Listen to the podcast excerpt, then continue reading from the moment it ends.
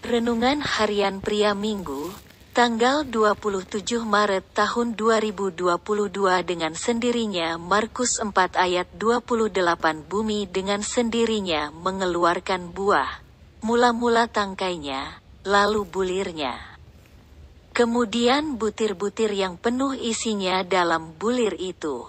Yesus sudah mengajarkan bahwa ada kuasa dalam benih apa pun yang ditanam di dalam tanah dan benih yang ditanam di dalam tanah pasti akan bertumbuh dan menghasilkan buah.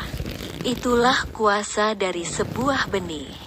Apalagi benih firman Tuhan, pasti mempunyai kuasa Tuhan di dalamnya dan kuasanya lebih dahsyat dari benih-benih lainnya yang ada di dunia ini.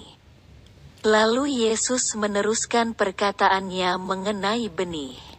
Jika benih itu ditanam di dalam tanah, maka tanah atau bumi itu dengan sendirinya akan mengeluarkan buah. Kata-kata dengan sendirinya itu mempunyai arti pasti. Jadi, ketika kita menanam benih firman Tuhan ke dalam tanah hati kita, maka dengan sendirinya tanah hati kita akan mengeluarkan buah dan buah-buah yang akan keluar tergantung dari jenis benih yang kita tanam. Jika benih yang salah, maka buahnya juga salah. Dan jika benih yang benar, maka buahnya juga benar. Itu artinya benih apa pun yang kita tanam di tanah hati kita, maka tanah hati kita dengan sendirinya pasti mengeluarkan buah.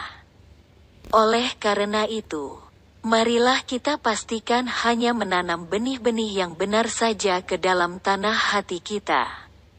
Tanamlah selalu benih-benih kebenaran firman Tuhan ke dalam hati kita. Maka pasti akan menghasilkan buah-buah dari kebenaran firman Tuhan itu. Refleksi diri, apa yang firman Tuhan katakan kepada Anda? Bagaimana kehidupan Anda dengan firman Tuhan itu? Catat komitmen Anda terhadap firman Tuhan itu. Doakan komitmen Anda itu, pengakuan iman, dengan pertolongan Tuhan saya hanya menanam benih-benih yang benar saja ke dalam hati saya.